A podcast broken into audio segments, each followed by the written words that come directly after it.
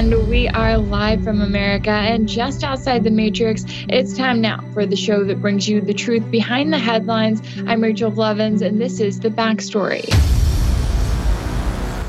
Coming up on today's show, former President Trump says he would be willing to step in as the next House Speaker, but he's also giving his endorsement to one prominent Republican congressman who's in the running. We'll get into all of the latest there. Plus, Russian President Putin gives insight into the private plane crash that killed 10 people, including Wagner chief Yevgeny Prigozhin, back in August, and says there was no indication of external impact.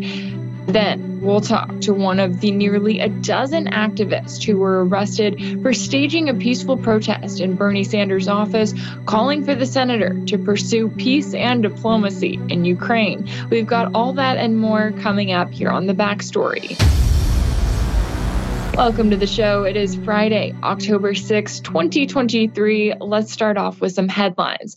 Former President Donald Trump has officially given his endorsement for the next Speaker of the House. He said on Friday he would support House Judiciary Chairman Jim Jordan. Now, in a post on Truth Social, Trump noted that he presented Jordan with the Presidential Medal of Freedom shortly before his term as president ended back in 2021. Trump said of Jordan, quote, he is strong on crime borders, our military and vets, and the Second Amendment. Now, this comes amid reports that Trump is considering a visit to the U.S. Capitol early next week in an effort to unify the Republican Party after the historic vote to remove Kevin McCarthy as House Speaker. Prior to making his endorsement clear, Trump said on Thursday that he is ready to become a temporary House Speaker for a short period of time until the Republicans decide on a permanent replacement for McCarthy. He said, quote, they have asked me if I would take it for a short period of time for the party until they come to a conclusion. I'm not doing it because I want to. I will do it if necessary, should they not be able to make their decision. The former president added that he has been asked to serve as a unifier for his party because he has so many friends in Congress. Trump did not specify who exactly he spoke with, but did indicate that he would be willing to sit in for the post anywhere from 30 to 90 days if Republicans failed to come to a general consensus on their next House Speaker. And one person who is most definitely not Trump's friend in Congress or who was in Congress is former Congresswoman Liz Cheney. She has vowed to do whatever it takes to keep Trump out of the White House next year, whatever that may be.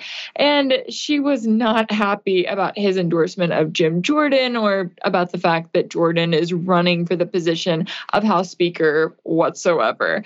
Let's take a listen to what Liz Cheney had to say about it. Jim Jordan, if you think about the extent to which uh, people have now said, well, it was Speaker Pelosi's fault that Donald Trump's mob invaded the Capitol, that you know the security wasn't sufficient enough.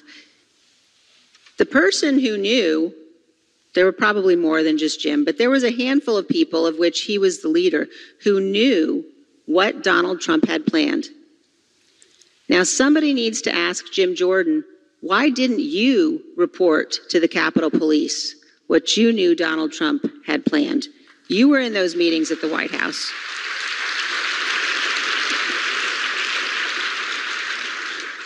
And if the Republicans decide that Jim Jordan should be the Speaker of the House, um, there will, and I, by the way, I don't think that's going to happen. I think he'll lose. But if they were to decide that, there would no longer be any possible way to argue that a group of elected Republicans could be counted on to defend the Constitution. All right. Now, notably speaking of losing, Liz Cheney, of course, did lose her seat. So I don't know if we'll count on her predictions there, but it is interesting to see everyone's commentary on the whole House Speaker situation and what it could and will turn into. Now, meanwhile, in other news, President Joe Biden defended his administration's surprise decision to allow for a section of Trump's border wall to be completed on Thursday, saying it proved impossible to divert the money for other projects. Biden said, quote, the money was appropriated for the border wall. I tried to get them to reappropriate, to redirect the money. They didn't, they wouldn't. In the meantime, there's nothing under the law other than that they have to use the money for what it was appropriated for. I can't stop that. Now, when asked if he viewed the border wall as an effective tool to fight illegal immigration, Biden answered bluntly, no, yet he's doing it anyway. And in other notable Biden related news, the first family's two year old German Shepherd Commander has been involved in more biting incidents than previously reported at the White House. Multiple sources familiar with the matter told CNN, while the U.S. Secret Service has acknowledged 11 11 reported biting incidents involving its personnel. Sources said that the real number is actually higher and includes executive resident staff and other White House workers. This is a, a scandal going on here. Those bites have ranged in severity from one known bite requiring hospital treatment to some requiring attention from the White House medical unit to some going unreported and untreated. While the first family works for solution works for solutions for the ongoing issue. CNN has learned that Commander has been banished from the White House. It's always interesting when you've got a, a dog that's not behaving, certainly says a lot about the people that are around him as well. Now, meanwhile, on more serious matters, when it comes to Ukraine, the Biden administration is considering using a State Department grant to send aid to Ukraine after the president's funding request failed to get through Congress as part of the stopgap bill that temporarily averted a partial government shutdown. The possible new tactic was revealed by two anonymous U.S. officials. But that's not all, as Defense News is reporting that multiple senators have proposed passing a massive aid package that would fund the war in Ukraine through 2024. They're specifically eyeing the upcoming presidential election and concerns that it could conflict with Congress passing multiple aid packages for Kiev as they have been doing. So it seems as though they're trying to get it all done in one shot. Now, as a reminder, Congress has authorized more than $113 billion in aid for Ukraine since February 2022, and Biden's latest request, which was made in August, was for $24 billion more. But if we're looking at funding for a full year, it would be nearly triple what the White House asked for. As antiwar.com reported, the Republican Senator Lindsey Graham said it would take about 60 billion or 70 billion dollars to get Ukraine through 2024. That is an insane number. I am the most curious to see if they are actually able to pass that. And we're getting more insight into the private plane crash that killed 10 people, including the head of the Wagner Group. Speaking at the Valdai Discussion Club in Sochi, Russian President Putin shared some of the findings of the investigation into the crash. He said that, quote, the head of the investigative committee has informed me recently that fragments of hand grenades were found in the victims' bodies. Putin noted that, quote, there was no outside impact on the plane. It is now a confirmed fact. He also said the remains have not yet been examined for traces of drugs and alcohol, and he believes that such an examination should be made. So, what would lead them to suspect that drugs were involved? While the Russian president also revealed that a stash of cocaine was discovered in the Wagner Group's office. Putin said, quote, we know that the Federal Security Service found not only 10 billion rubles in cash in the company's office in St. Petersburg, but also five kilograms of cocaine. That's around 11 pounds for those of us who are here in the US. Now, the police and security officials raided properties belonging to Wagner shortly after Prigozhin led a mutiny against the Russian military. He announced on June 23rd that his troops would march on Moscow, but back down the next day after reaching a deal mediated mediated by Belarus. Prigozhin and several of his close associates died on August 23rd when his business jet crashed in Western Russia on a flight from Moscow to St. Petersburg. And notably, the U.S. hasn't said much here, but the Pentagon was quick to say it didn't believe that the crash was caused by a surface to air missile, as some have claimed. And the Associated Press cited anonymous U.S. intelligence officials who said that the incident appeared to result from an internal explosion which falls in line with the possibility of a grenade on board triggering the deadly crash. Now, while at the Valdai Forum, Putin also spoke out against the so called international order that the West is attempting to impose. Let's take a listen to a clip of what he said. They're trying to replace the international law with the so called international order based on certain rules. What are the rules? What is this order? Who invented that? This is absolutely unclear. This is some nonsense. They're trying to embed this into the minds of the people, telling them you should live by the rules. What are the rules? And our Western colleagues, especially from the US, arbitrarily impose these rules and teach others how to follow these rules, how you should behave. They're doing this in an openly obnoxious manner. This is a manifestation of their colonial thinking. We keep hearing that from them. They keep saying, you have to, you must. We're seriously warning you. Who are you to tell us that? Do you have any right to give us warnings?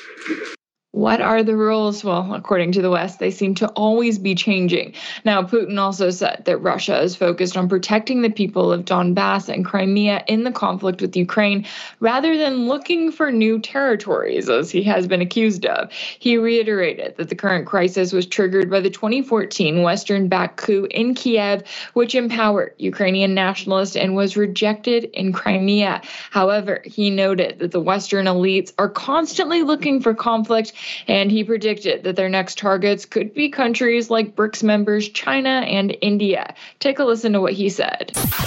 They're trying to create an image of an enemy out of everyone who is unwilling to blindly follow the Western elites.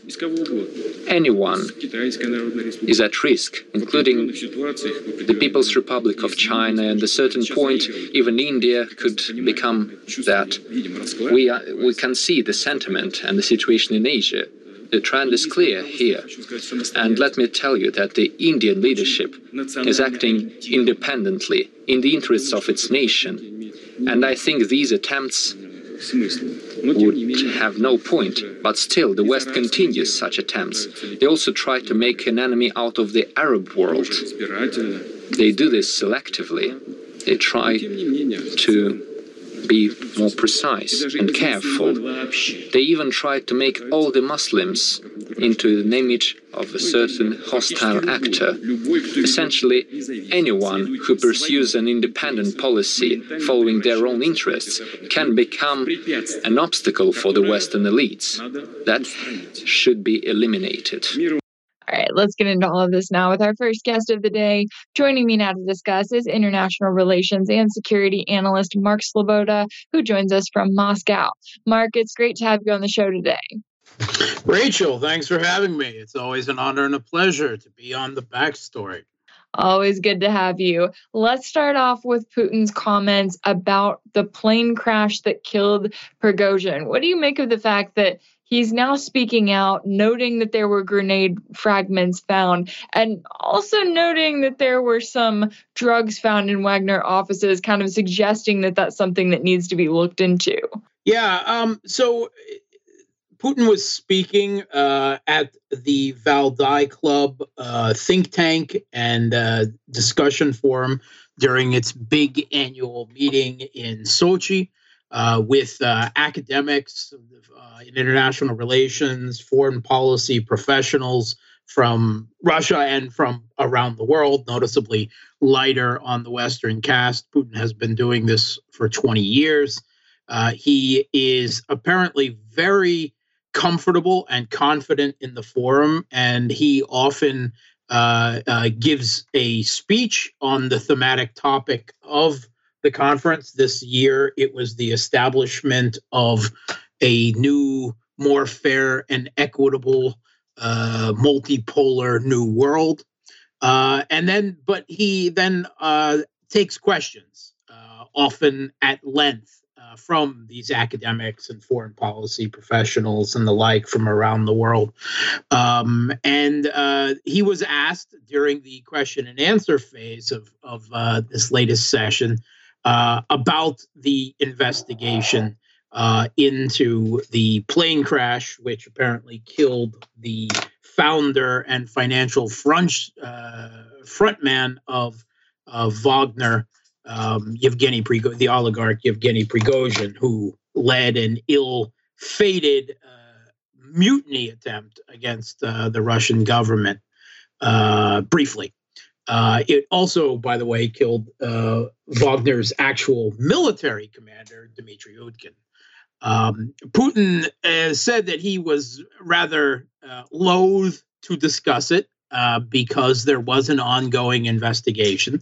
Uh, the investigation was ongoing, and he didn't want to say anything that might interfere from from what he has gotten so far. But he did mention that, you know, despite you know the immediate conspiracy that claims that jumped up on uh, you know uh, from Western media and internet that there was no evidence of any outside impact on the plane, like air defense or something of the like.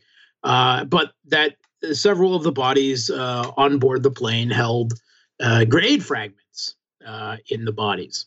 Um, and he noted that there should have been, and and whether it's still possible, alcohol and drug detection done of the bodies to determine. this was brought up in the, in the context that apparently in Prigozhin's residences uh, in Russia that were raided uh, by the FSB and police, uh, that he apparently had a stash of some five kilograms of cocaine, which that's enough cocaine to to even keep uh, Zelensky satisfied for a week or two, I would think. Uh, um, but um, so what Putin appears to be suggesting with this is that uh, Prigozhin and uh, the Utkin and, and other top uh, Wagner people on a flight back from Africa got high on cocaine and blew themselves up with grenades. Um, I don't think that that was probably on my top 10 theories of what might have happened list. Um, it is uh, certainly, uh, shall we say, crazy enough that it almost you could almost say that would if the Russian government wanted to create a cover story uh, for it, would they really create something so preposterous? Um, so uh, there is that. Um, I will simply note that uh, the investigation is ongoing and that the Russian government has very skillfully managed uh, the absence of uh, Prigozhin and Utkin uh, to their advantage. Uh, the Wagner Group, what remains of it as as an actual private military company, uh, is still not operating in Russia. It is uh, out of Belarus, but its operations in Africa and Syria, uh, very important for Russia uh, diplomatically, particularly their relations with the African continent, um, will continue under the new leadership of one of the other top leaders of Wagner's military council, which actually made most of the decisions, apparently, uh, Anton Yelizarov, the hard nosed commander who's better known by his alias Lotus. Um, and uh, as for that, that is a, a, certain, but a large numbers of Wagner um, uh, personnel, many of them former Russian special forces and military intelligence Spetsnaz, um, have apparently uh, signed on uh, with the regular Russian military or other um, private contractors that have subordinated themselves, uh, signed contracts with the Russian military hierarchy, which Prigozhin, in an act of fatal hubris, uh, refused to do.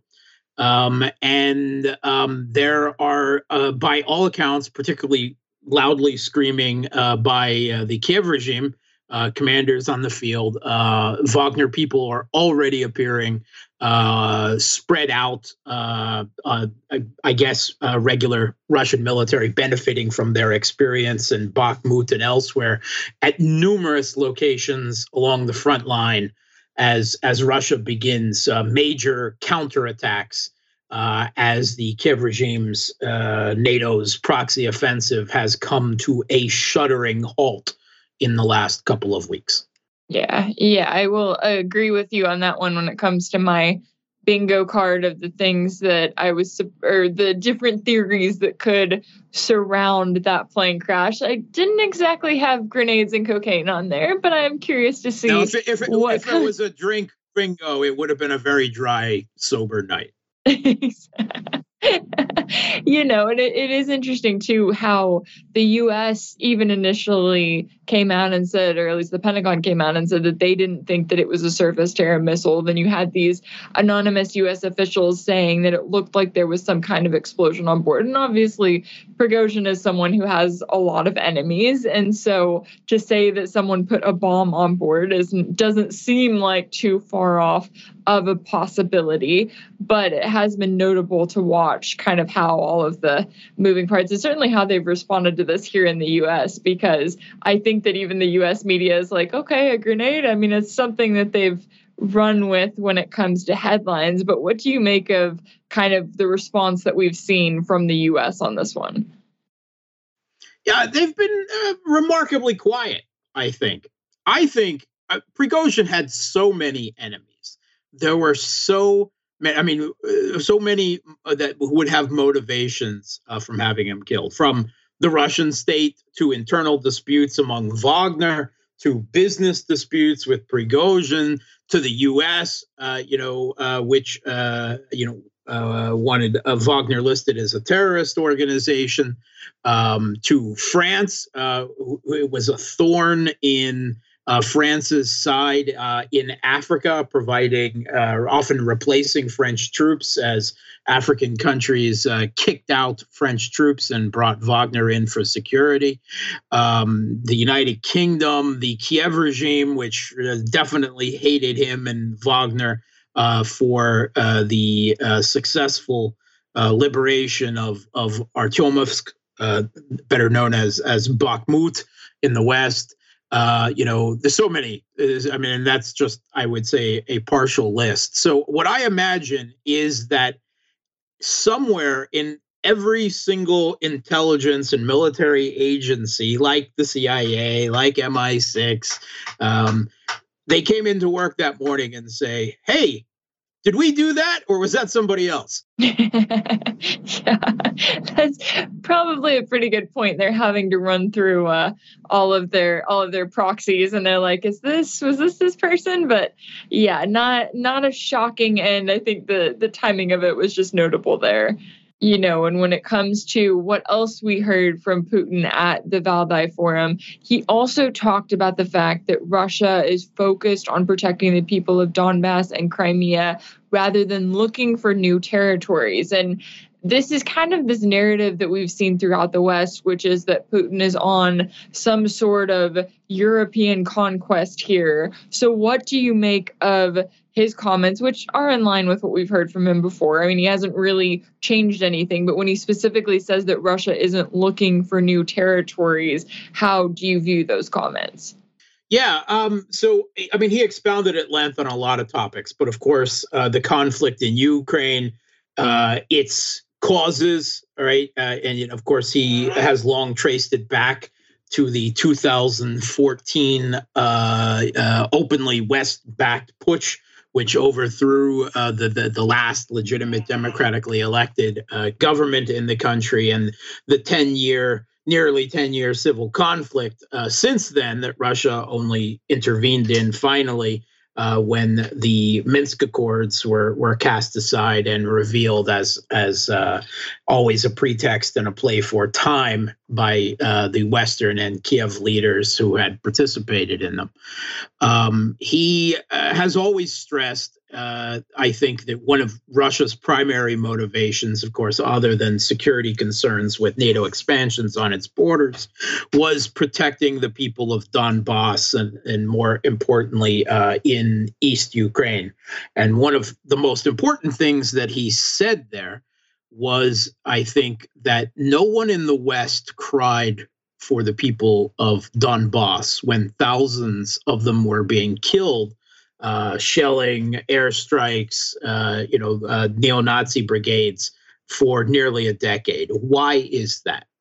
And I, I think it's a question that that remains unanswered, right? I mean, obviously, some people we've we've heard from numerous Western uh, uh, commentators uh, on the subject, uh, including uh, Mike, aka Sarah Cirillo, um, the the once the the briefly uh, yeah uh, former military spokesman for the Kiev regime, the the American transvestite that they brought in, uh, echoing a lot of the sentiment. Uh, Russians, uh, and, and in that is link is uh, lumped the ethnic Russian, Russian speaking or Russian sympathizing people of East Ukraine.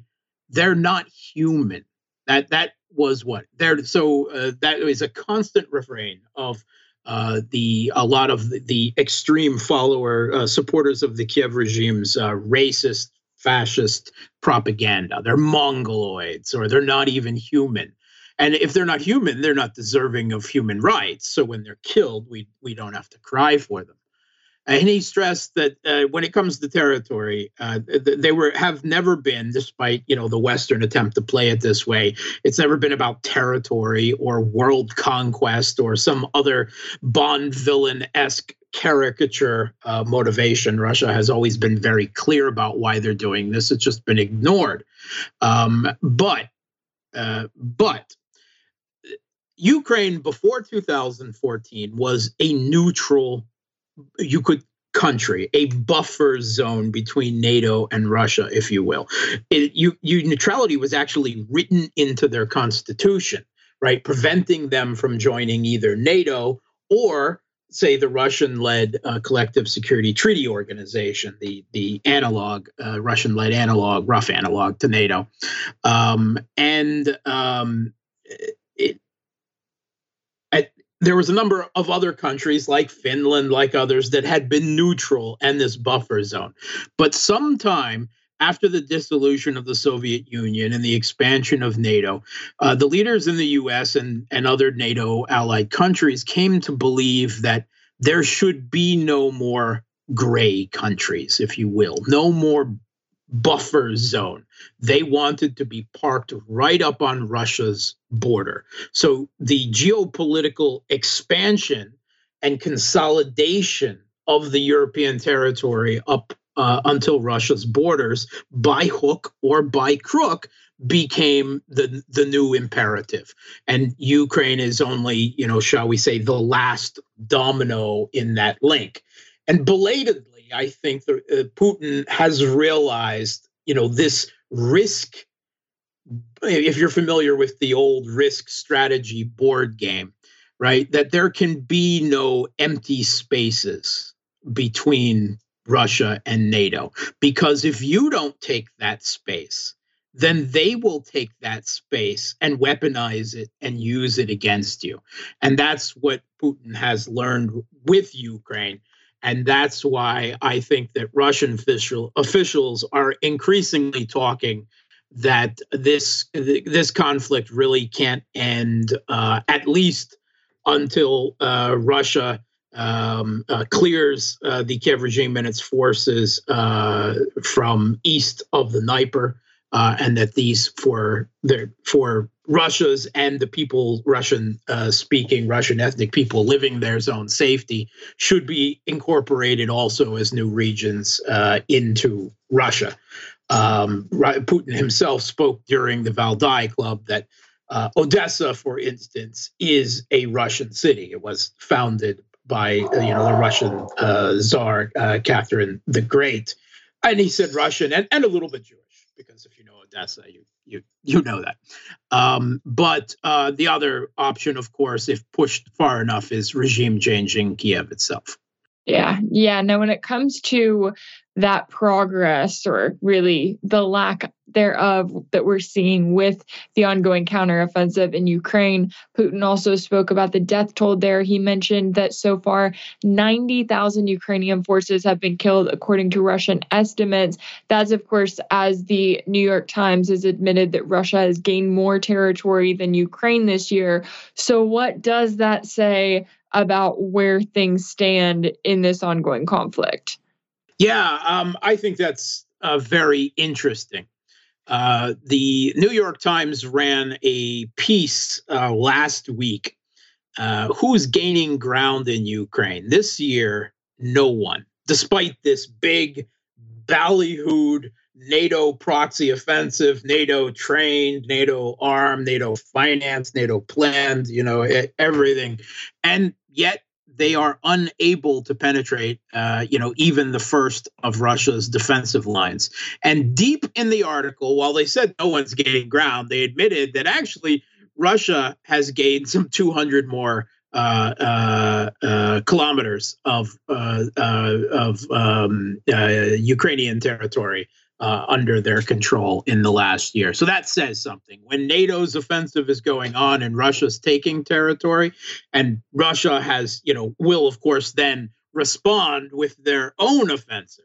Uh, counteroffensive more properly uh, as soon as this one has clearly uh, faltered out beyond uh, any hope of uh, further quote unquote progress. You know, is it dead yet? Okay, let's go.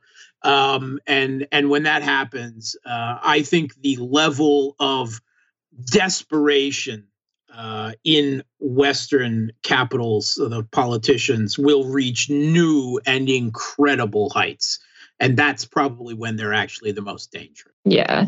Yeah. Now, when it comes to what we've heard from the West, I know it has been an interesting week because you've got the US suddenly not passing new funding for Ukraine, not having a vote scheduled for that. Joe Biden having to assure all of his Western allies that everything is fine. And then you also had these comments from the defense minister of the Netherlands that I wanted to touch on.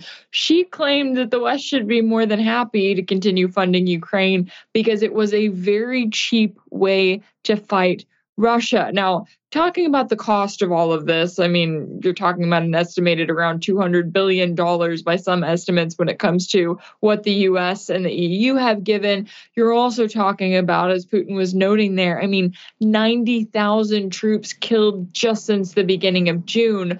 So, what is the true cost here, and what do you make of these comments from the Dutch defense minister that it's very cheap?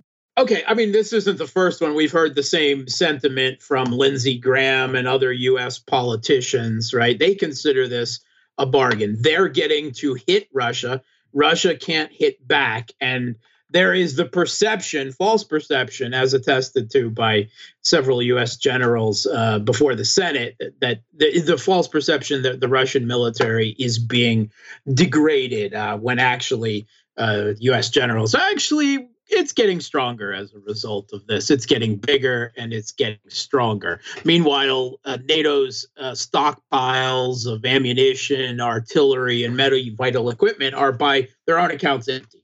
Uh, and there's no clear sign of, of what they do uh, can they build another, a new fourth army for the Kiev regime after this? It's not clear that they're able to ramp up their military production uh, uh, to to accomplish this. Um, I think that you know when when you're talking that they regard the Ukrainians as such proxies that they regard their lives as cheaper, as somehow less valuable than Americans or Netherlanders uh, or other Europeans. I think that's a, a, degree of sociopathy, and it shows it shows the the true geopolitical machinations and motivations uh, for this uh, conflict going on. Um, if you're talking finances, well, there is an argument to be made. Uh, certainly, you know you're you're pushing on now you know all total some two you know going closer to 200 billion western taxpayer dollars but let's be honest a large portion of that money is simply being recycled right? Because it's being transferred within the borders of the West, right? It's going from Western taxpayers and it's simply going to the US military industrial complex, right? That's a that's a big portion of it. Uh, on the other hand, uh, you know, when it comes to the economic aid, which is close to half uh, of the aid that's been provided thus far. And the Kiev regime, with no economy of its own, says it needs from 50 to 60 billion dollars a year just to pay salaries and keep the lights on when they can. Um, that that money is disappearing into, of course, what is admitted again and again and again as a corruption black hole, where this uh, leaked uh, supposed secret document uh, from the US uh, actually addresses that and says, oh, uh, actually, the biggest problem for Ukraine isn't Russia, it's corruption. So, what should we do? Well, obviously, shovel more money into it because that'll solve the problem, right? We'll we'll make them choke on the pork right? They'll choke to death. We'll shove so much money and arms down their throats. Um, that seems to be the logic. I, I have to admit, I, I failed to see it. Uh, but, um, you know, uh, the U.S., uh, again, usually finds a way out of the conflict by you know that that often favorite uh, quantitative easing, uh, i.e., money printer go burr. But the Europeans are having a much harder time because they can't print their way out of this money, and that's why you're already starting to see governments like Slovakia fall uh, from the pressure uh, that the, the West is basically exerting on their own economies through their sanctions and the war costs and the economic costs and the refugee. Yeah, the cost of it is a lot more than they really want to admit to here. Certainly, a lot at stake all around. International relations and security analyst Mark Sleboda, thanks so much for your time and insight today. Thanks for having me. And it's time now for a quick break. But when we come back, former President Trump says he would be willing to step in as the next House Speaker, but he's also giving his endorsement to one prominent Republican who's in the running. You don't want to miss it next here on The Backstory.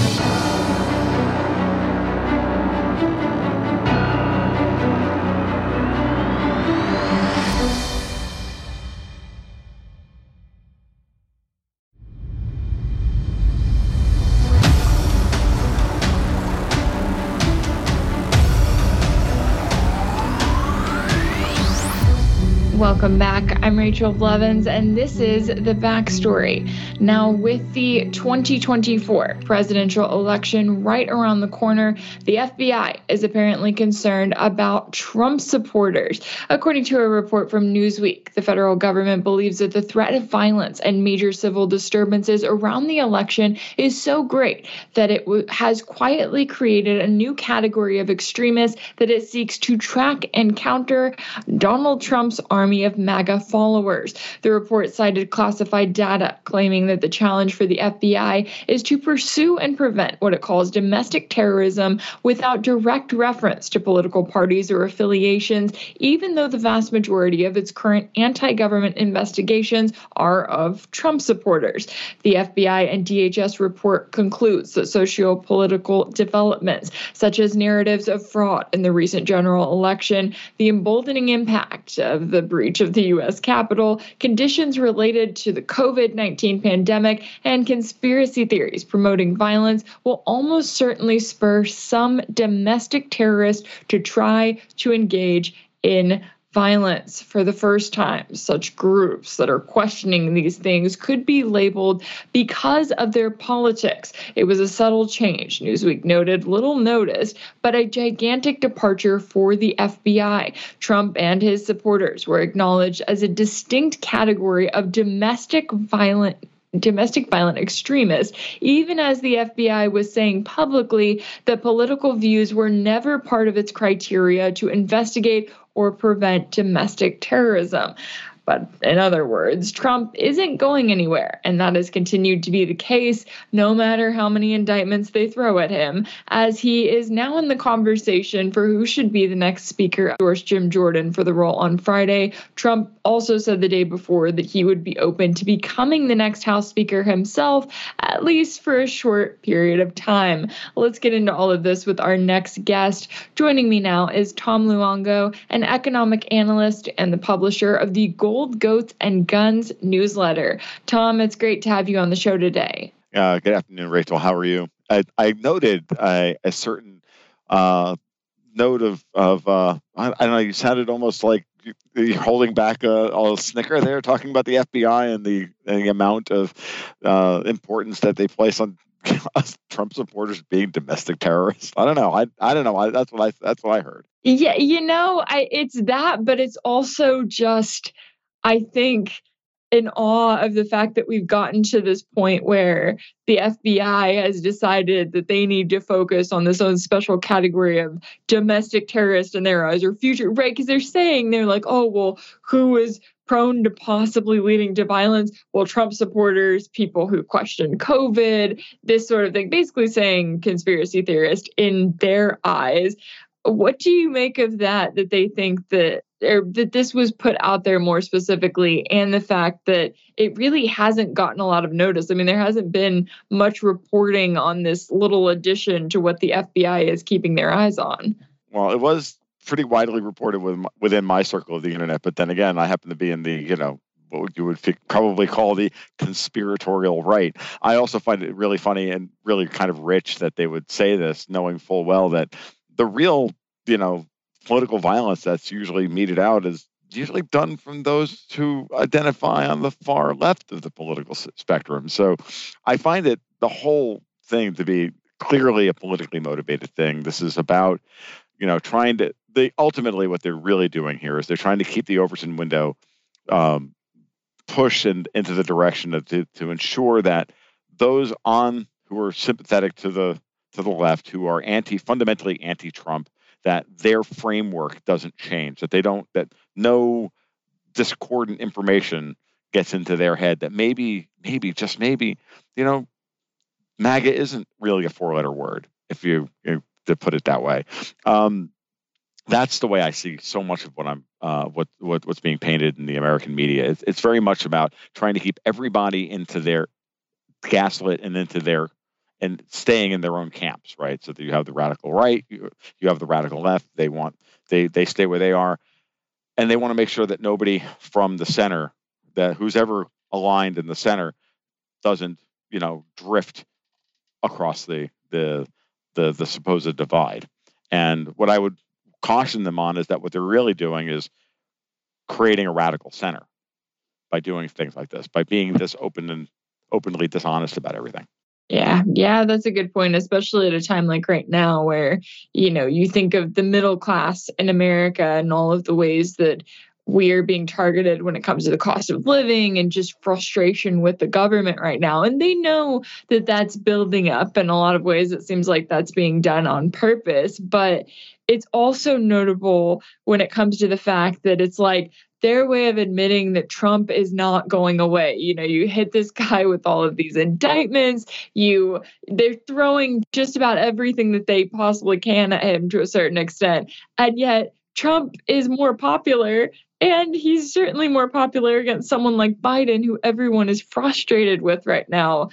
So, how do you see this unfolding situation that we're looking at, where it looks like it's going to be another Trump versus Biden race, and Trump certainly is not going away? Well, I, I don't know that it's going to be Trump versus Biden because I really don't know that Biden is going to be able to make it all the way. That's that's clearly what, the Democratic, um, the DNC uh, um, establishment at this point is holding on to because they don't like any of their other options. Like Biden is clearly decompensating to the point where he might not, you know, it, it's clearly he should not even be president. He, this is now, if I had any sympathy for Joe Biden at all, I would consider this elder abuse, but I don't because he's a, a terrible human being and always has been. Um, and it doesn't, it's not because he's a Democrat. He's just a terrible human being.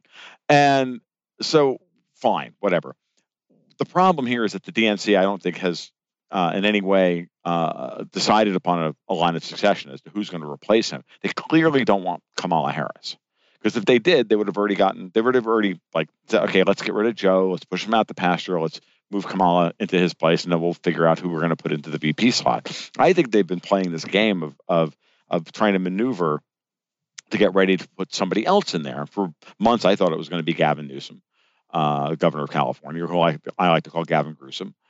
Um, but it's clear, and then there's always the dark horse, which is Michelle Obama.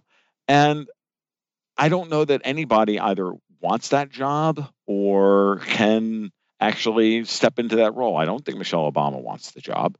Uh, and Newsom, you know, came out a couple of weeks ago and said he wasn't running for for for president, and I didn't believe him until the other day when he immediately, almost with, I, I couldn't do it fast enough, but to um, to to put forth uh, the Dianne Feinstein's replacement, who's an ally of Kamala Harris, and so that now tells me that there's all that there's something else going on here, and that, for example, that in my mind, Kamala Harris is sitting up in the Naval Observatory watching everything that's happening on Capitol Hill and going, hmm, interesting.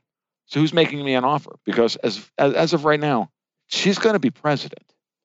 Because Biden's not going to make it until next November, unless they like you know pull out a doppelganger who's you know slightly less senile than he is. Like this is the way this is playing out, and it's we're now too close to the primary season to bring anybody else into the fold. There's no way to really kind of Spiro Agnew her out of the out of the the the, the running. Like they they they're going to have to deal with her, and I don't think they want her.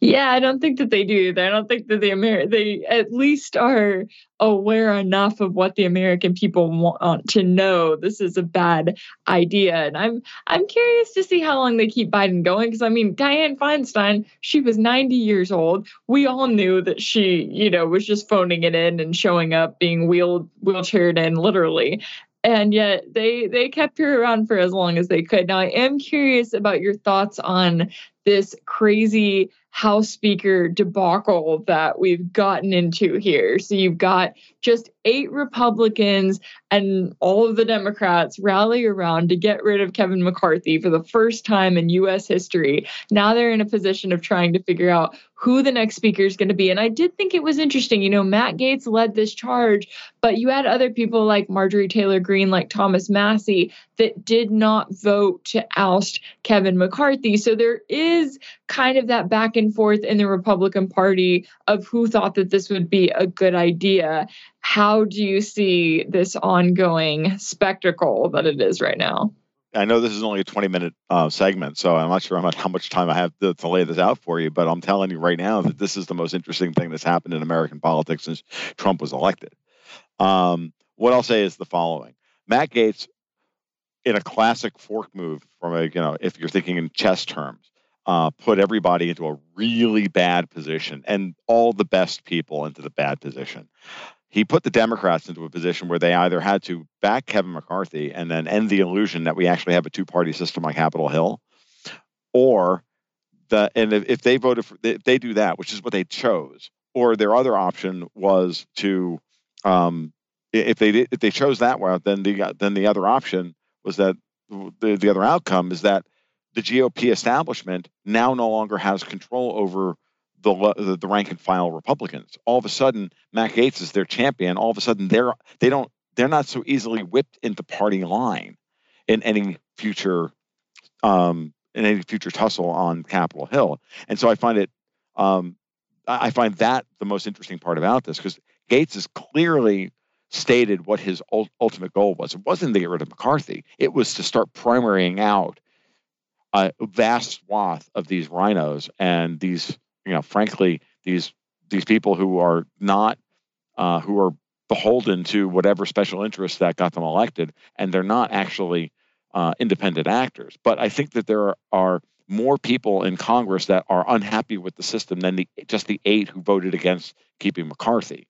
I think there's a you know, there's easily probably 100 or maybe even 150 people on both sides of the aisle in Congress that are unhappy about this, but the leadership has been so brutal and keeping everybody whipped into two separate camps that they they haven't been able to have, you know, they didn't they weren't able to have a, a voice in in this in the situation at all. And I think Gaetz just gave them their opportunity here. be very interesting because when when an establishment, you know, that's is is in power, right? When when a group is in power and they lose a major battle, all of a sudden they don't look as you know unbeatable as they have in the past, and that changes the dynamic completely. And I don't think people have really discussed, really thought about the consequences here. I know that the people in power have discussed it because they brought they wheeled out Hillary Clinton to, to on CNN to say that all the Trump supporters need to be deprogrammed. Okay, and she's clearly you know representing the the neoconservative wing of the Democrats. Barack Obama has been neutralized uh, in recent recently, I think, and he's very much more the Davos European colonialist EU faction of the Democratic Party. Like he's been taken down a peg or two in the last few weeks. And now you've got Kamala Harris sitting back going, taking offers from anybody who wants to back her faction. And everybody's and, and the GOP establishment and Mitch McConnell screaming that we need to get rid of the rule, the, the vacate rule. Like, like how more transparent can you people be? Like you're all in serious, serious trouble. And I think that this is close to the biggest, you know, uh, like political revolution that we've had in the United States in years.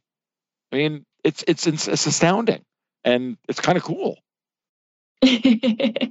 it is it has been it's been fascinating to watch it play out. And you know i know that there was a lot of talk of are we going to see a government shutdown? There was last week that conversation. They obviously got a funding bill passed for 45 days. Now we're looking at the next deadline on november 17th how do you see things going? Do you think we're going to get an official House Speaker by that time? And is it possible that we could head into a partial government shutdown for real if they don't get it together and pass some sort of spending bill for the next year? I, I it's a that's a really good question, and I don't have an answer for you, but I know that Tuesday is going to be hilarious.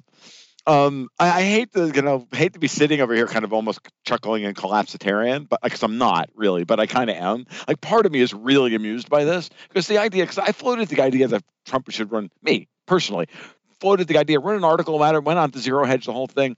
At the beginning of the Biden administration, he should run for Speaker of the House when you know when when the when when the when the, the when the GOP takes over in the fall of 2022, which they will, like he should run for Speaker of the House. It would be hilarious just to watch Nancy Pelosi like have a coronary on the on the floor of the uh, uh, of the thing, and then three months later, literally like three months later, Trump's people had to officially deny that he was interested in that. Then, so I'm like, Oh, please bring me Speaker Trump. It would be hilarious. It would be great if, for nothing else, for 60 days, for him to, or 90 days, for him to be in there, be Speaker, start articles of impeachment against the, against Joe Biden because he's clearly guilty of, of unbelievable, egregious stuff. Start the whole process, rip the band aid off, get the thing going, and give these guys who just got a voice, who just got a lift, give them a win, give them the opportunity to to start breaking down the old the old uh, the, all the cliques within the within Congress. Let's let's start the process. We need a little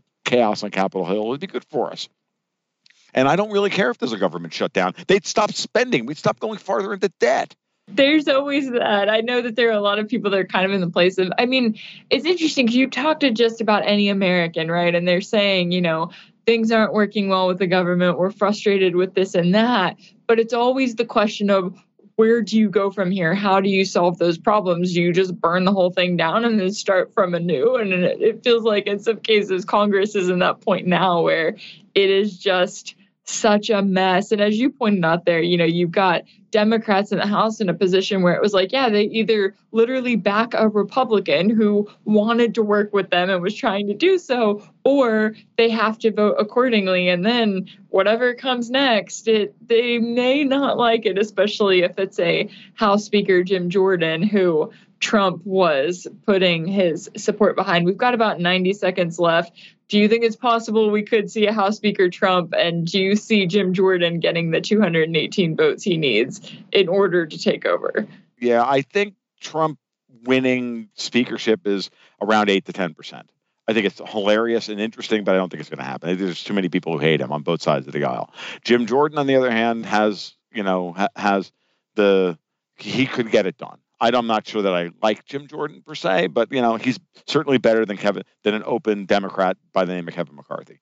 Um, I think the bigger question here is it's not that we want we we're inviting chaos here. Is that in order to start to reform this, the process, the system, you have to start with certain the certain basic things have to happen. We had to get off the zero bound interest rates. Then that forces the fiscal question on Capitol Hill, and that starts breaking apart the the, the logjam on Capitol Hill. And I think that this is just naturally part of the process that's necessary to turn this battleship around. Basically, think of it as the turning a battleship around the middle of the Suez Canal it takes a long time. It's not an easy thing, and it's a it's a process. And this is just another step in that process. And I think it's a I think that's the best way to look at it and understand it. As long as you commit to that process and you're honest about it, and I'm speaking to my American brethren here. I think we'll we can easily come out the other side. There's many ways for the United States to get themselves out of the problems that they're in. Yeah, I, I think the hope is that they pursue that. The concern there is always that politics gets in the way and we have so much infighting back and forth that we don't get anywhere. About 30 seconds left, but do you have hope that we are going to go towards the route of fixing some of the things that are broken? I do actually. I, I am seeing it. I, I think that the, the the big lesson from this week is that no one expected Matt Gaetz to win, even Matt Gaetz. But then that implies that there are people there are people behind him and in his circle that are more powerful than him that wanted this to happen because that's the only reason that it actually happened. That means that there's something change. That, that the change is coming. Well, we'll certainly continue to follow this one. Tom Luongo, economic analyst and publisher of the Gold Goats and Guns newsletter. Thanks so much for your time. Thank you, Rachel. Take care now. And it's time now for a quick break, but we'll see you next hour where we'll talk to an activist who was arrested for taking part in a protest on the Capitol. We'll discuss that and more next here on The Backstory.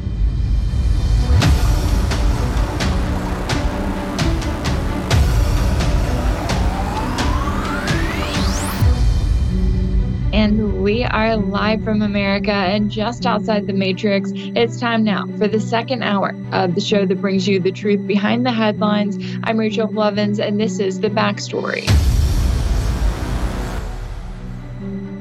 Coming up this hour, Robert F. Kennedy Jr. and Cornel West are the latest candidates looking at running as independents over major party tickets. We'll get into the latest as the 2024 presidential race heats up.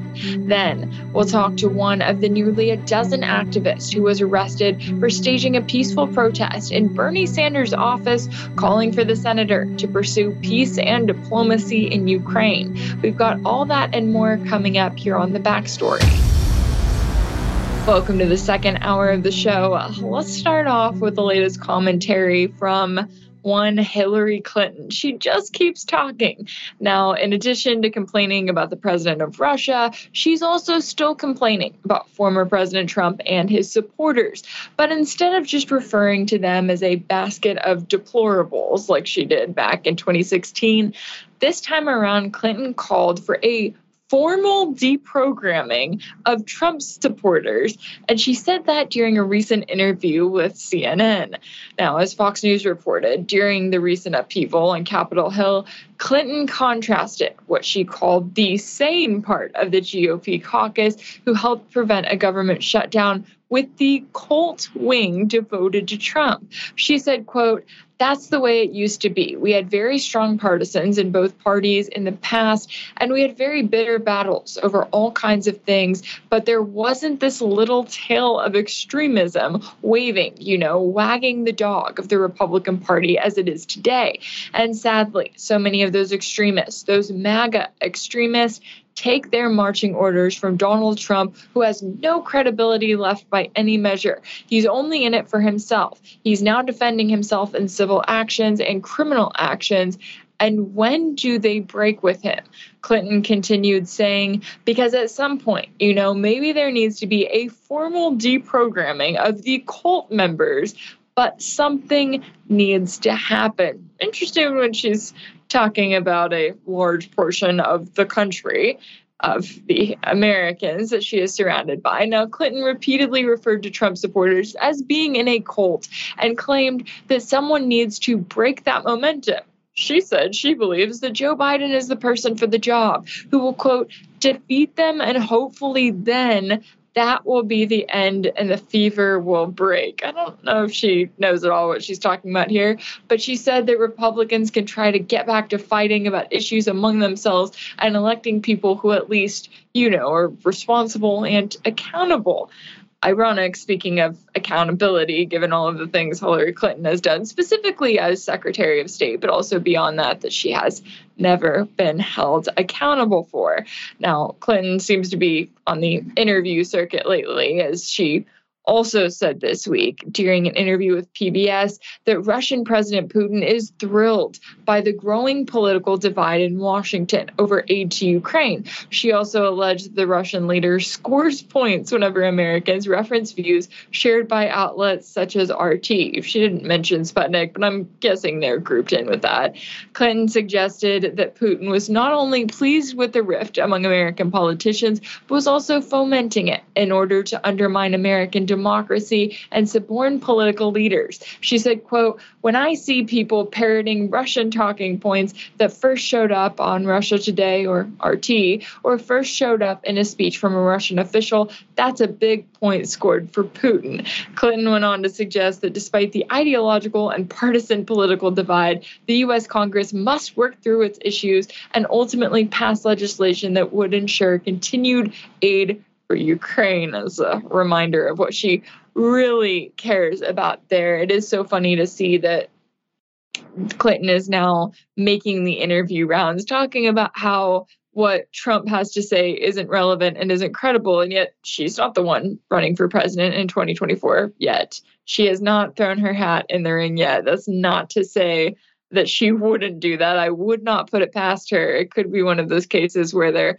throwing out Hillary Clinton, testing her to see if she's any more popular with the American people than she was back in 2016. You never know. But while Clinton seems confident that Biden will be doing a victory lap in 2024, she may be one of the few thinking that way, while the American people aren't necessarily on board. The latest polls have shown a great deal of frustration with Biden, with the largest number of Americans in U.S. history reporting that they are financially worse off under his administration than any other administration at least when it comes to the ones that they polled. Now, they are unhappy with the way that he handles everything from the economy to U.S. foreign policy.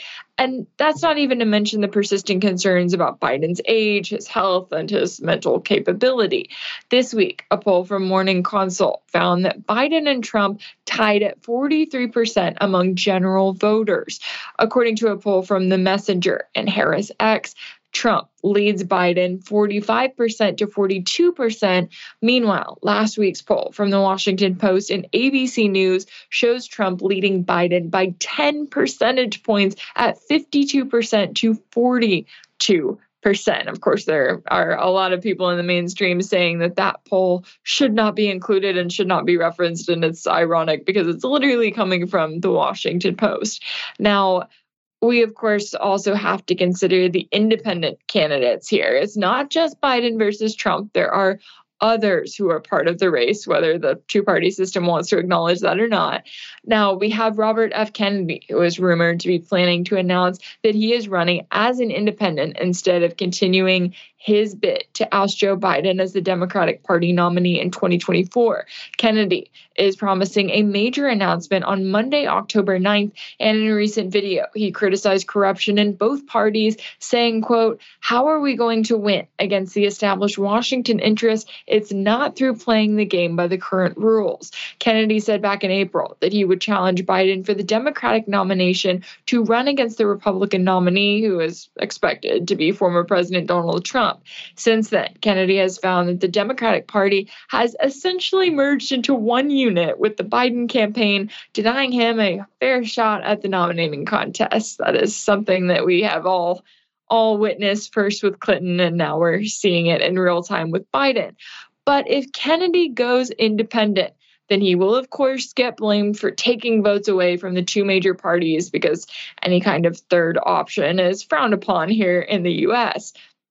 Reuters is already warning about this with an article titled How RFK Jr. Could Hurt Biden and Trump in the 2024 Election with an Independent Bid.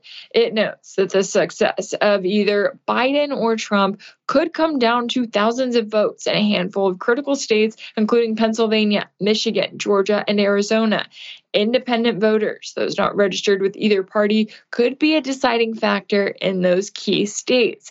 Meanwhile, a Reuters and Ipsos poll from September shows that Kennedy has favorability rating at 51%, which is higher than Biden at 45% and Trump at 40%.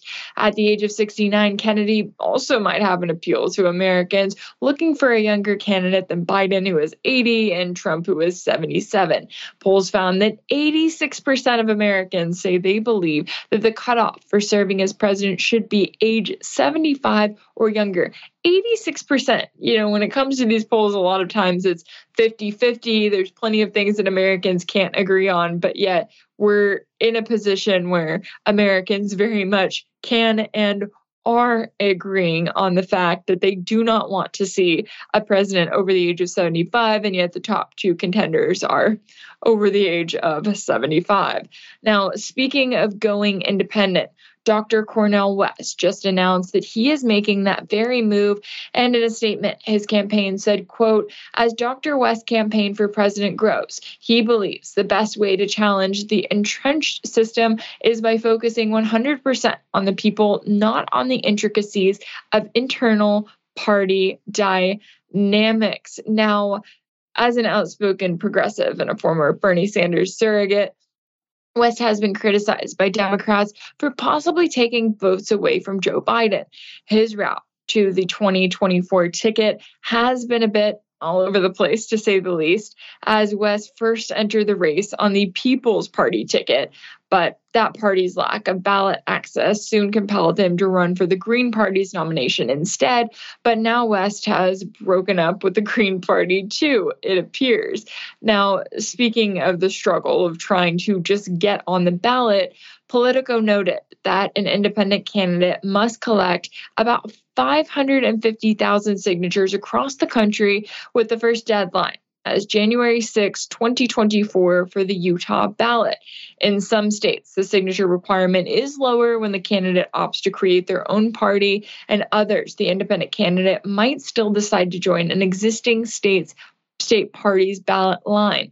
The biggest obstacles come in the biggest states like New York, California, and Texas, which require the largest number of petition signatures. So let's get into all of this with our next guest talking about where everything stands. Joining me now is Lori Spencer, a JFK historian and the co host of Strange Bedfellows. Lori, it's great to have you on the show today. Hi, Rachel. Thanks for having me. Now, I want to start off with these rumors that RFK Jr. is going to be pursuing an independent bid. How much do we know about that, and how likely is that to be the case? Um, I would say it's highly likely that he's going to go independent. Um, we can take a lot of clues from where he's choosing to make his announcement. Um, on Monday, he'll be announcing October the 9th in Philadelphia, the cradle of American liberty and de- declaring his independence, if you will, uh, from the Democratic Party. At least that's that's my take on it. There's a lot of speculation that he might run with the Libertarian Party. Um, I myself have been involved with the Libertarian Party for 27 years, and the signals that I'm getting back from the Libertarian Party, it looks highly unlikely that he will be running under that party's banner. Yeah, you know, it's so interesting because it's tricky when it does come to those political parties because, you know, when it comes to Kennedy's views, they don't necessarily line up with the DNC establishment. And certainly, you know, I think when he announced that he was running for the Democratic nominee, there were a lot of people that were kind of confused by that. And they looked at it and they said, well, if there's anything we've learned from the DNC over the last decade, it's that they always go with the establishment candidate. They're not going to go with an outlier like Bernie Sanders, even though he may have support. They're going to go with someone like Hillary Clinton or like Joe Biden, who they know is not going to challenge that establishment line. So, how do you see it when it comes to Kennedy's position in all of this, his initial decision to go with the Democrats, and then now possibly realizing ah, maybe that's not the way to go. Maybe he will be looking at going independent instead. well, I have to admit, uh, I was confused and kind of unhappy too when he initially declared as a Democrat. I left the Democratic Party 30 years ago. I feel like uh, the Clintons and their ilk ruined the party. It, it, it, they left me a long time ago. They left Bobby a long time ago too. Um, but you know, the Kennedys are, they've been lifelong Democrats since the 1930s. Uh, when Robert Kennedy's grandfather, Joseph P. Kennedy, worked for the FDR administration. Um, that's a really hard habit to break, Rachel. that's a long, long, long history. And uh, I think that he really truly believed that he could restore those values to the Democratic Party. And the Democrats have sent him every signal as loud and clear since his campaign began that we don't like you. We don't agree with what you stand for. They've called him crazy. They've labeled him anti Semitic. They've labeled him a conspiracy theorist, an anti vaxxer, every insult in the book. And when we look right now at this administration, Joe Biden still refuses to provide Bobby Secret Service protection which he is clearly entitled to, and there have been many threats against his life. Um, I think that's the clearest signal of all. Yeah, you know, it's interesting when you look at it because, on one hand, let's say that Joe Biden was this beloved president and the DNC looked at him and they said, you know what? He's going to be great to be our nominee. We're not even worried about whether or not he's going to get support. In that case, arguably, they look at someone like Kennedy and they just wouldn't even really pay him the time of day, right? They would say, oh, it's cute that you're running for the Democratic nomination, but we have the current sitting president who is likely going to be our nominee, and then they would just move on. But as you're noting there, there have been so many attacks against Kennedy, his policies, his character, you name it. So, what do you make of being behind that specifically and this apparent need to try to discredit him? Doesn't that tell us a lot more about what the DNC actually thinks about Biden and how strong he is as a candidate? Well, first of all, I don't think Bobby would even have challenged Joe Biden if Biden was a popular president and if Biden was doing a good job. I think that Bobby would have, you know, been a good Democrat like he has been in previous years when he would endorse uh, the party's nominee. So only this year is he causing trouble. And, you know, to be honest, Joe Biden started it. he started this fight with Bobby Kennedy on day one of his presidency on January 21st of 2021. Uh, that was the first communication that we saw between the White House and uh, Facebook and Instagram basically telling them to take Bobby Kennedy's posts about COVID and the vaccines down. Uh, that was in, if you recall, that was just when the vaccines were starting to roll out. That was January of 2021, and uh, Joe Biden didn't like what Bobby was uh, saying, sowing doubts about the vaccines. So that was, you know, he started censoring Kennedy right off the bat on day one. And that set the stage for a fight. That's pretty much like challenging an Irishman like Kennedy to a duel. and Kennedy said, challenge accepted. Yeah, that, that's a good point. Now, looking at possibly running as an independent, you know, you do run into a lot of issues when it comes to ballot access and when it comes to just trying to make sure that your name is out there and that, you know, I know and when it comes to debates, that's a whole nother thing. But when it comes to Kennedy's possible decision to go independent, what kind of things is he going up against? Is before it was, you know, trying to get the DNC to treat him as a legitimate candidate. Now it's trying to be treated as a legitimate independent candidate. So, what kind of battle is he looking at here? Mm, he's got significant obstacles ahead. Let's be honest. Uh, we know that the system is rigged against independent and third party candidates. It has been for a long time. Um, a couple of concerns that I have are number one, as an independent or third party candidate, it's so much harder to qualify for Secret Service protection, which is something that Bobby desperately needs. Um, and they have rigged it where really only the candidates of the major two parties qualify under the draconian benchmarks that you have to meet to qualify for Secret Service protection. So that's a significant concern that I have for his safety. Um, and, you know, another significant concern is getting on a debate stage. Um, you know, since Ross Perot performed so well back in 1992, when he ran as an independent and he got 19% of the vote, the reason he did so well was because he had performed brilliantly at the 1992 presidential debates against Bush and Clinton. So the next election around in 1996, the Commission on Presidential Debates, which is controlled by the two parties, changed the rules to basically keep independent candidates off the debate stage. And it's been that way ever since. Um, you might recall in the year 2000, Ralph Nader, who was also performing well, was excluded from the debate stage. And Ralph even showed up to one of the debates asking to get in, and they told him to leave or he would be arrested. So they're very serious about protecting their two party duopoly. Yeah, it's so crazy thinking about the other countries that we criticize for this, right? The US government is all about freedom and democracy until you mess with those major two parties. Now, whenever it comes to this, and as you were noting, some of the cases there where you have independent candidates who they always get accused of taking votes away from the top two candidates. And that's now what we're seeing when it comes to Kennedy and also when it comes to someone like Cornel West, who just announced that he was going independent. The conversation doesn't become, hey, are these two other options ones that we should consider? The mainstream conversation becomes, who are they going to take votes away from in these key swing states where you know, the victory could be decided by just a handful of votes. So, what do you make of the fact that we're still stuck in this position where this is the conversation when it comes to independent candidates is how they're hurting Trump and Biden or the two main party nominees? it's the only thing that the mainstream media wants to talk about in terms of Bobby's announcement is who will he hurt? Who will he spoil? Will he take more votes from Biden? Will he take more votes from Trump? Um, I think it's just a distraction, um, and it, it really it masks their worry. I think both Biden and Trump are very concerned about the damage that Kennedy can do to them, and he will. He will take votes from both.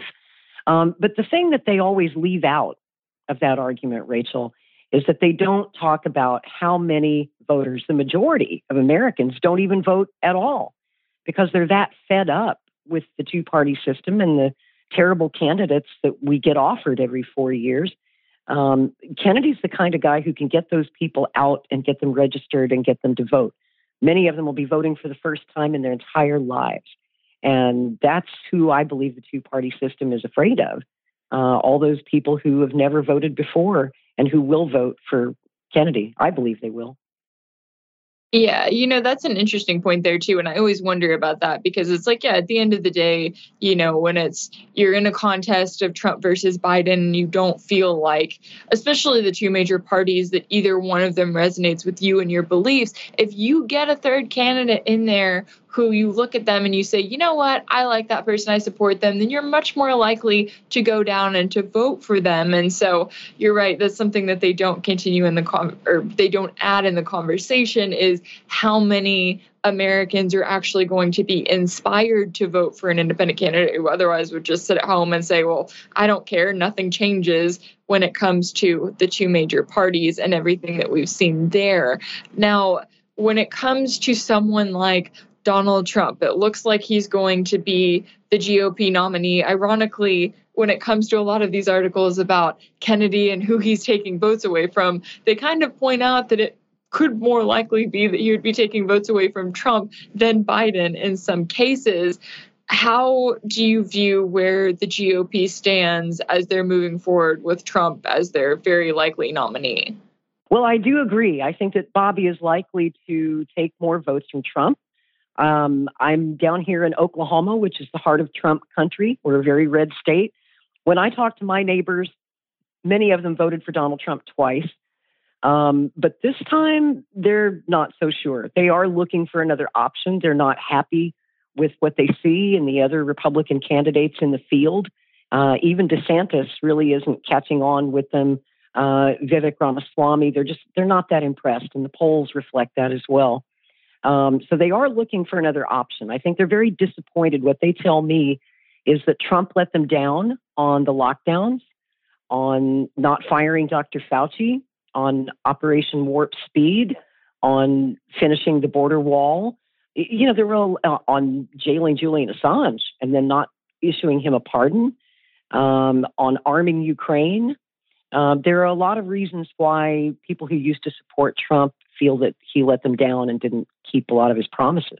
And, you know, they're also worried about the, uh, yeah, I would be remiss to leave out all the criminal charges that Trump is currently facing, too. So the, the future looks uncertain.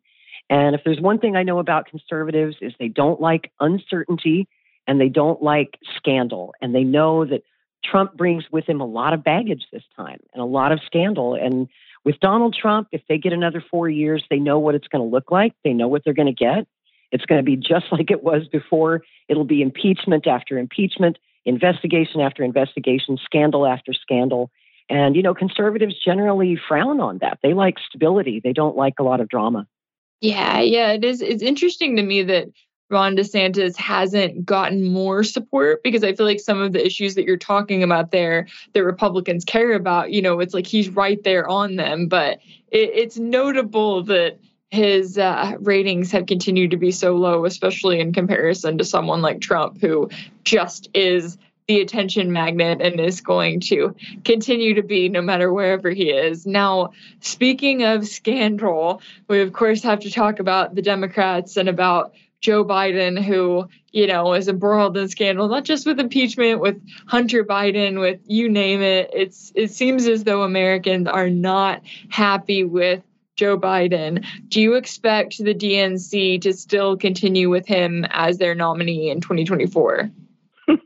you know, everyone says that the DNC is going to get rid of Joe Biden because he's clearly not fit for another run. But honestly, Rachel, I think that they're going to stubbornly cling to a sinking ship like they always do. I mean, I think they're going to stick with Joe Biden. I really do. Unless he has a health incident that you know, knocks him out of the race. I think that he's just stubborn enough to stay in, and I think the Democrats will stupidly keep him as their candidate. I, I really do. Yeah, you know, sometimes I look at the Democrats and I'm like, do they want to win? Like sincerely, do they do they want to win in this election? I felt that same way, you know, going into 2020 because it feels as though whenever Trump is the GOP nominee, Democrats just get into this position where they say, oh, well, our person isn't Trump. And it's not focused on policies. It's not focused on, you know, what can we do for you or how would we better serve you with our candidate. It's focused on, well, Trump is bad and our candidate isn't Trump. So vote for our candidate. As a result of that, you know, going into the next year, into 2024, do you expect to see more of an emphasis on policies, or is the concern still going to be that we're still looking at the personality of it all and that that ends up being more of a deciding factor? Unfortunately, knowing the media like I do, um, they're probably going to make it about personalities. Um, I think we can count on another long campaign season of Trump bashing because that's what they love to do. And it's really all they've got uh, more scandals around Trump that they can make much of in the press. But what the people want to hear, and, and I see it because I work with the Kennedy campaign as a volunteer recruiter, I see that there is a huge groundswell of people who are resonating with Kennedy's message. He's the only candidate in this race who's really talking about ending this war. He's talking about the cost of the war. He's talking about how Americans are struggling out here. He has concrete plans to come to the rescue. He's the only one pledging to pardon Julian Assange on day one, to release the JFK files, to, you know, really bring the American people a new deal, the way that FDR did in 32. And that's exactly what we know we need right now. And Biden's not saying that. Trump's not saying that. Bobby Kennedy is saying that. And that's why his movement is growing and it's going to continue to grow. Yeah. Yeah. And I, you know, you bring up Julian Assange, and I remember when it was Trump's final days in office, and so many people, not necessarily in the mainstream, but plenty of people, at least online, were calling for him to pardon Julian Assange. They were like, it's the least you can do. Do this one small thing. It will just make everyone in the political establishment so mad if you do this and yet he didn't do that on his end so it would be nice to see that now one other thing i'm curious about here is you know we had in the news cycle this week we found out that the Biden administration is moving forward with construction on Trump's border wall. And for years now, whenever you think of the border wall, you think of Donald Trump. And that was something that Biden ran against. You know, he said when he was campaigning, if I'm in office, not another foot of wall is going to be built. Now you have his administration all of a sudden moving forward with this construction. Of course, on their end, they're claiming, oh, well, no, it's just because the funding was there and we had to use the funding for that. We still don't think that it'll work, whatever. But is there concern that when it comes to Kennedy's policies and his ideas that if the American people really start resonating with that and he starts to get that popularity, then you're going to get major candidates like Trump and Biden that kind of look over and say, oh, yeah, hey, I'm going to nitpick and adopt those certain policies and claim that they're in my campaign because we all know that typically politicians, they campaign on one thing and then they don't always follow through once they get into the White House. So is that a concern when it comes to the policies that he's running on right now? Again, I think that's another uh, policy that Kennedy is starting to take votes away from Trump on that. Uh, and, and Kennedy, it's a, re- a reversal for him. You know, he didn't used to believe that walls work at the border. I remember talking to Bobby 16 years ago, and he was asked about the border wall. He was visiting Texas, where I lived at the time, and he said, You know, walls don't work. If you build a 40 foot wall, someone will always come up with a 41 foot ladder.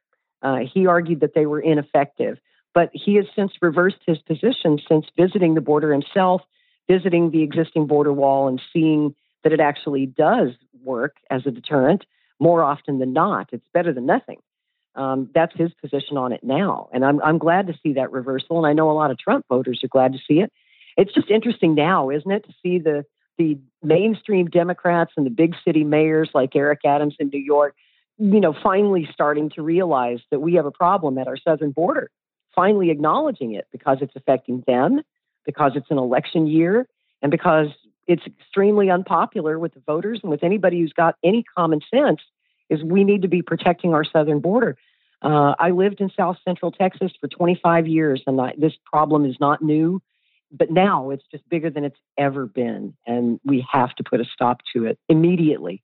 Yeah, yeah, certainly it is. You're right. It is interesting to see everyone kind of waking up to that, no matter their political affiliation. A reminder that there are a lot of things that affect all of us. And we'll certainly continue to keep an eye on this race. And I hope we're able to have you back on to talk more about it as we move forward. And if we get that announcement from Kennedy that he is, in fact, running as an independent. Lori Spencer, JFK historian and Strange Bedfellows podcast co host, thank you so much for your time and insight today. Thanks, Rachel. I've been a fan of yours for years. It's a pleasure to talk to you. Thanks for having me. I appreciate that. Thank you for joining me. And it's time now for a quick break. But when we come back, we'll talk to an activist who was arrested for taking part in a protest that called on Bernie Sanders to vote in favor of peace in Ukraine. You don't want to miss it next here on The Backstory.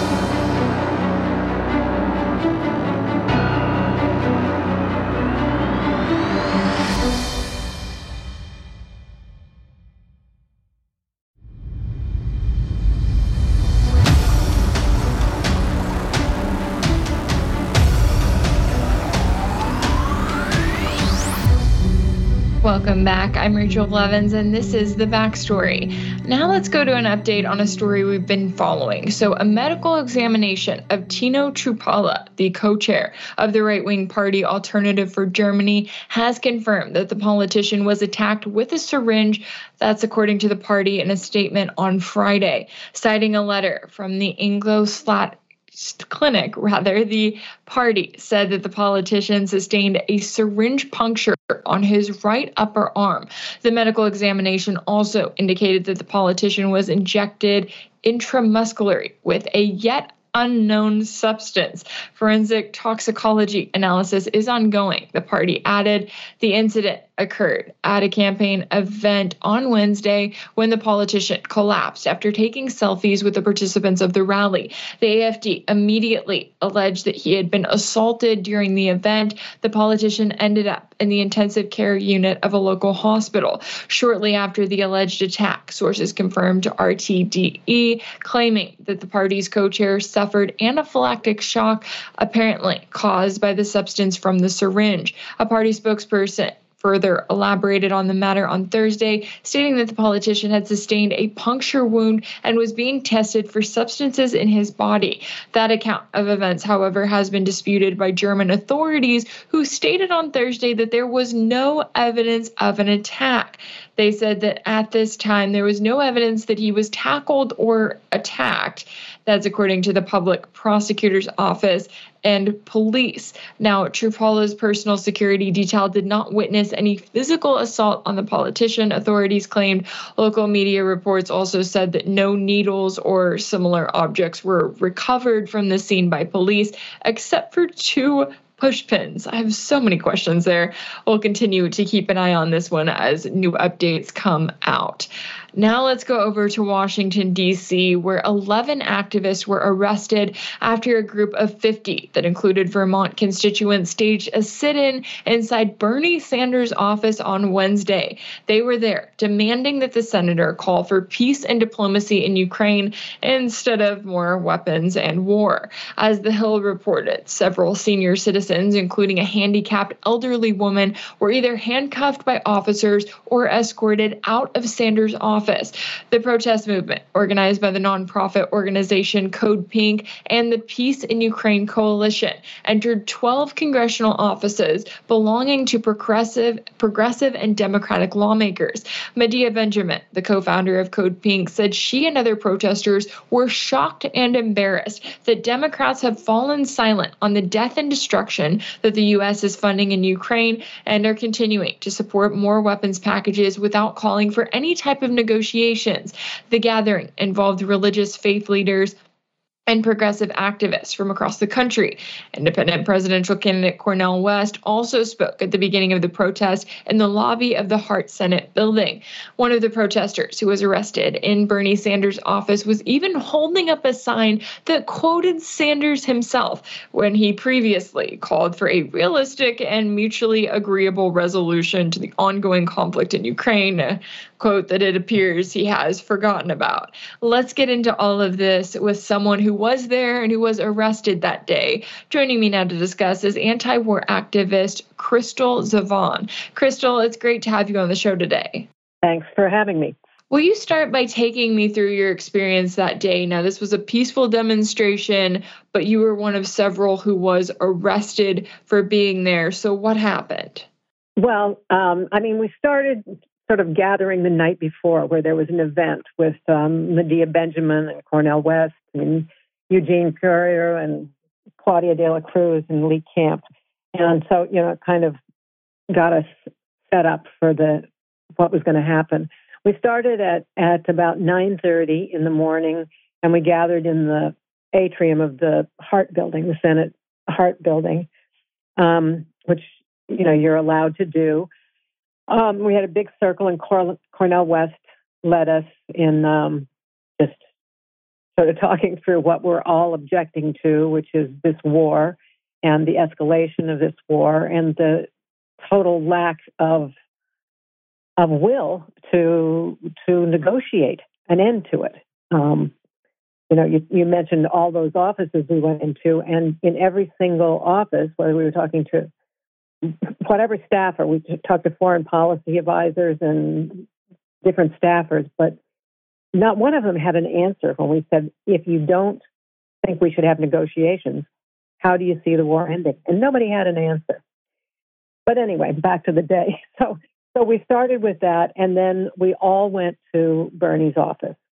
And, you know, we I'm I'm from Vermont, so it's obvious why I would choose going to Bernie's office. But um, but we we felt like you know all of these people we consider progressives and our friends and so on have have voted for more and more money and weapons to be sent to, to Ukraine. Um, they've supported the aggressive acts by NATO, encroaching closer and closer to to Russia, and um, and you know n- nobody seems to have any memory of what happened just before the war, when when uh, Zelensky and, and Putin were heading to negotiate, and the United States and the United Kingdom um, said no, don't do it, stop. So so um, anyway, so so you know we had all that in our minds. So we went into the Senator Sanders' office, and there were you know yeah there were fifty of us. So needless to say, we were we crowded that little space. Um, and he refused. I had written a letter asking for a meeting with him mm, maybe six weeks ago, and uh, and got an answer back from um, oh god, what's his name, Max Hoffman Hoffstein. Anyway, um, saying his foreign policy advisor and saying that um, asking who was going to be there. So I named some of the Vermont people who were going to be there, and then he said, "Well, the senator can't meet with you, but I will." And so I wrote back and said, "No, we really wanted to meet with the senator, but we will be dropping by to bring you a petition." So you know they had fair warning we were coming uh, anyway, so we were all in there, and um, we had a huge sign that had a quote by Bernie, um, where he said, "You know, we must negotiate. We can't escalate the war." It was, you know, it was a very clear quote about um, never-ending wars, and you know that war can only end by negotiation. And um, you know, it was huge. And then, you know, we had a lot of signs and a lot of really well-informed people in there. And so finally, um, God, I can't think of his name, but anyway, Max is his first name, the foreign policy advisor, came out and, um, you know, said he would talk to us. And, uh, you know, I've got to tell you, I mean, he was better informed than other people we met that day, but but they they just all use kind of um, canned like CNN talking points. Um, it's all well, you can't negotiate with Putin. You can't um, you know, we have to defend Ukraine's sovereignty and and um, blah blah blah. You know, um, and is defending Ukraine's sovereignty um, just watching them get slaughtered. I mean, we even had people say, "Well, as long as we don't have American boots on the ground, you know, this is this war needs to go on." like, wow, they don't matter. Their lives don't matter. Yeah, it, it really feels like that's what they're saying, you know, and it's so interesting to me that you mention these conversations that you're having with different staffers because I always wonder too, you know, you've got these people who you're a staffer for, you know, this specific senator, you're kind of going along with what they're saying, but I always wonder do they think about why is the US continuing on with this policy? And, you know, some of the points that you're bringing up there and that you're talking with them about, and it's like, asking for them to present a reason for why the US is continuing to support war, refusing to allow or even to encourage any sort of negotiations that may save lives and put an end to this war. And yet these people can't seem to answer it. Is that kind of what you found when you were talking to them? Yeah, no, exactly. I mean, you know, I think you know, there were a lot of people among us who are, were really much better informed than I am on all the facts and figures and dates and, um, you know, statistics and the history. And, and, you know, they were kind of just dumbfounded in the face of these people with all these facts that they didn't know. I mean, uh, or if they did, they were certainly ignoring them. But, um, but no, they clearly didn't know it was it was amazing, and you know, or the fact that you know who's getting rich off this war. Um, you know, where this country has a war-based economy. Um, so so it, it, was it was pretty pathetic. Anyway, then the the um, the scheduler, his scheduler came out, and, you know, gave us this thing about he's got.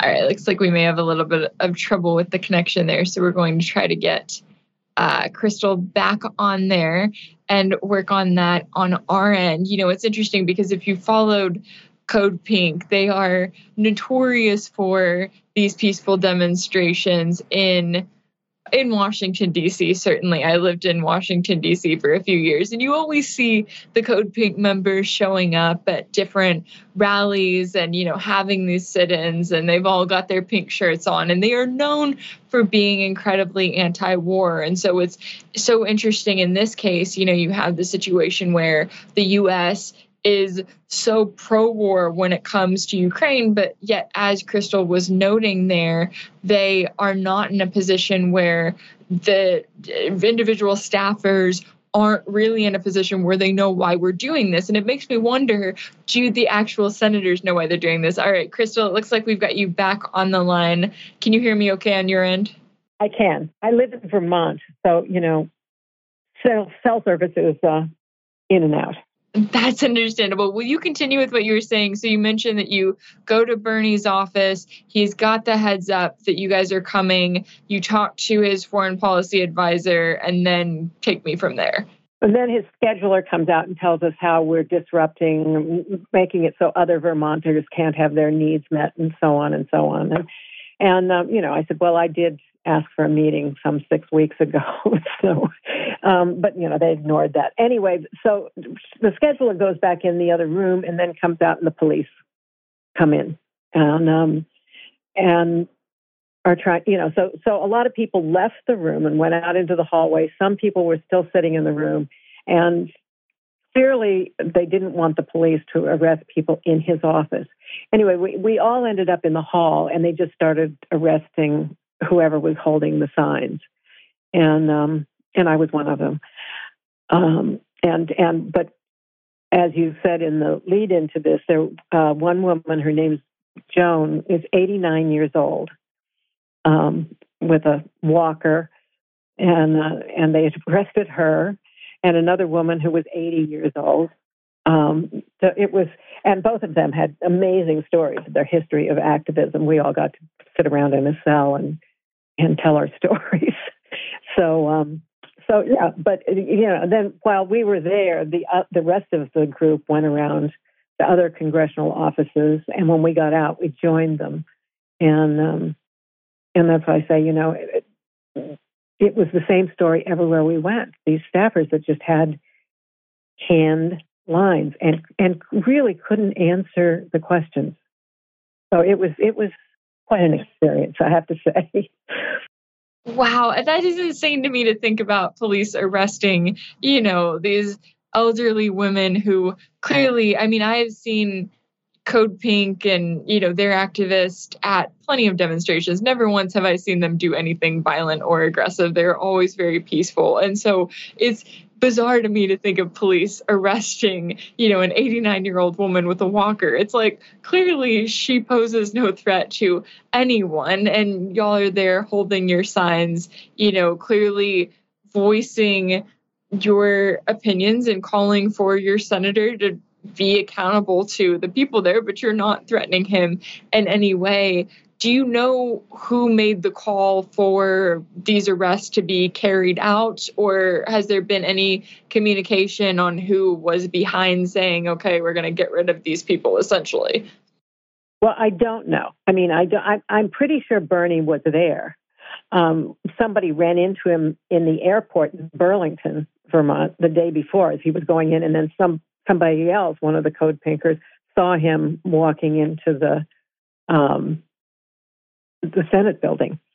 So, so uh, you know, we we are pretty sure he was in the office, but whether he actually said it, the staffer, you know, the staff um, scheduler she, was out there and then she went back in the other office. And so whether she conferred with him or whether she just called the police, we don't know. I, I, mean, I guess it is one of those cases where, you know, it still happened, it still was carried out. So, in the case of Bernie Sanders specifically, you know, we were talking about the fact that one of the activists there had a sign literally with Bernie Sanders' own quote basically being read back to him about his past calls for having you know a mutually beneficial agreement having negotiations of some sort what do you make of the fact that he's kind of fallen in line with all of these others who i mean from both democratic and republican parties who continue to fund more war in ukraine without any calls for peace and negotiation?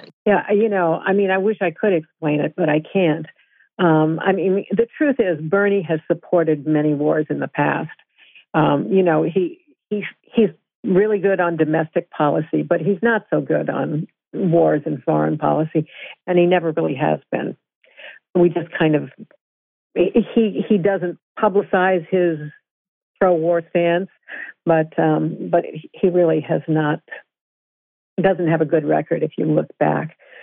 Um, so, so I don't know. He, you know, in, in I saw some statement that he said where recently where he said, well, that that dealing with this war wasn't really what he did, um, but he but that he supported President Biden and believed, you know, that we had to support Ukraine and, you know, I mean, what they want is they want to keep Russia the enemy um, because they need an enemy uh, in order to keep that, you know, make America great again.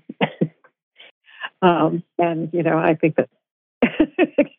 it does seem like that is the case. And, you know, it makes me wonder too, because, you know, you're talking there about the staffers that you talk to that kind of don't really have an answer for this. And it makes me wonder do the senators and the representatives in the House, are they almost in the same boat where a lot of them just kind of go along with it because it's what their party supports? Or, you know, you ask them specifically, why do you support continuing war in Ukraine? And it's like they don't have an answer for that. Does that seem to be the case? Or do you think that there's more to it in terms of why they continue with this blind support? You know, I, I, I have to I have to wonder: Are they really are, are they really uninformed or ignorant or choosing to be just uh, going along with the party line? I, it, it it feels that way. I mean, I I was just looking back at you know I always film stuff, and I I I have a film of of the Bernie's foreign policy guy, um, and you know when we said how will this war end? If you're not going to negotiate, how will this war end? And he says, well, we really don't know. um, so if they don't, they don't even have a plan. Like, you know, it's, it's just keep it going until what? Until we push Putin so far that he does send a nuclear weapon and then we respond. I, you know, I mean, it's because that's what we're heading for.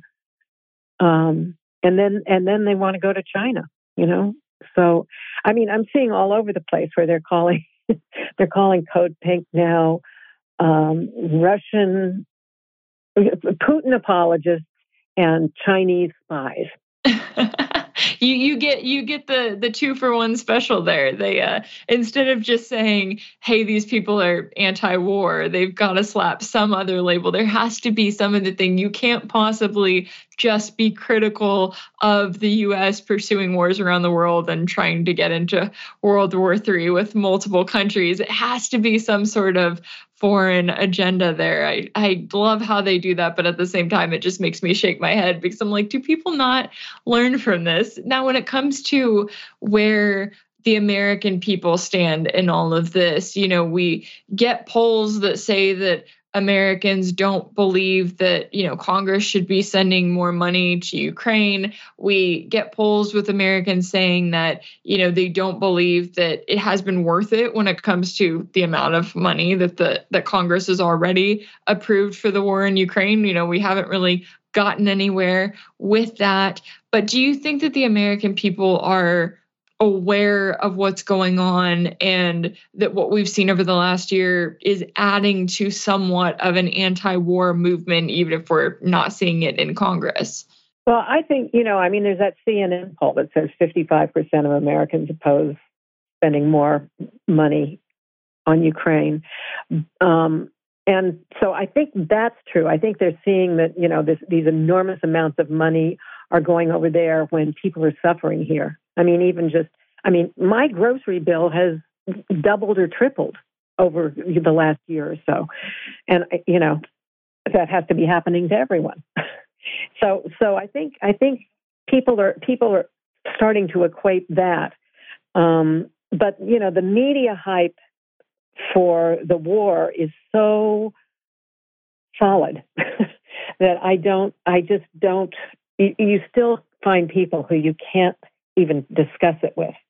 And and I find that really difficult. I mean, I put stuff up on Facebook or whatever, and you know, people that are, you know, progressive friends of mine think I've gone over the edge because I, I believe we have to get out of Ukraine um, and and demand a negotiated settlement. I mean, somebody who said to me made a comment um, the Ukrainians have a right to decide their own future. If they want to die for their country, then that's and, and I, you're making my point. um, yeah, let them decide their own future. What are we doing there?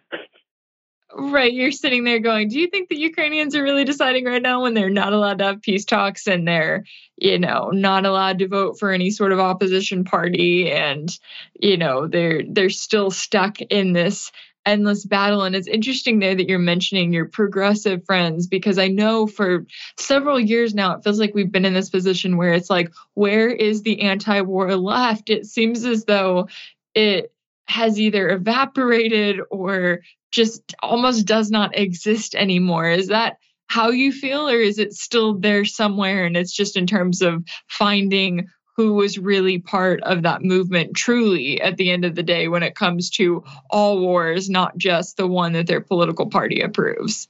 Well, I think, yeah, it's, I mean, it's, it's been a question for all of us for some time now. Where is the anti-war movement? I mean, you know, some of us have been there all along, but others have disappeared. The one thing I will say is I've been to a few things lately um, where I see like the event we had the night before we went into the off- con- congressional offices.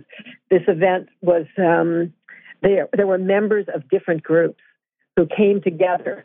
You know, who don't have all the same ways of going about things or the same ideals or whatever, but they're finding common ground.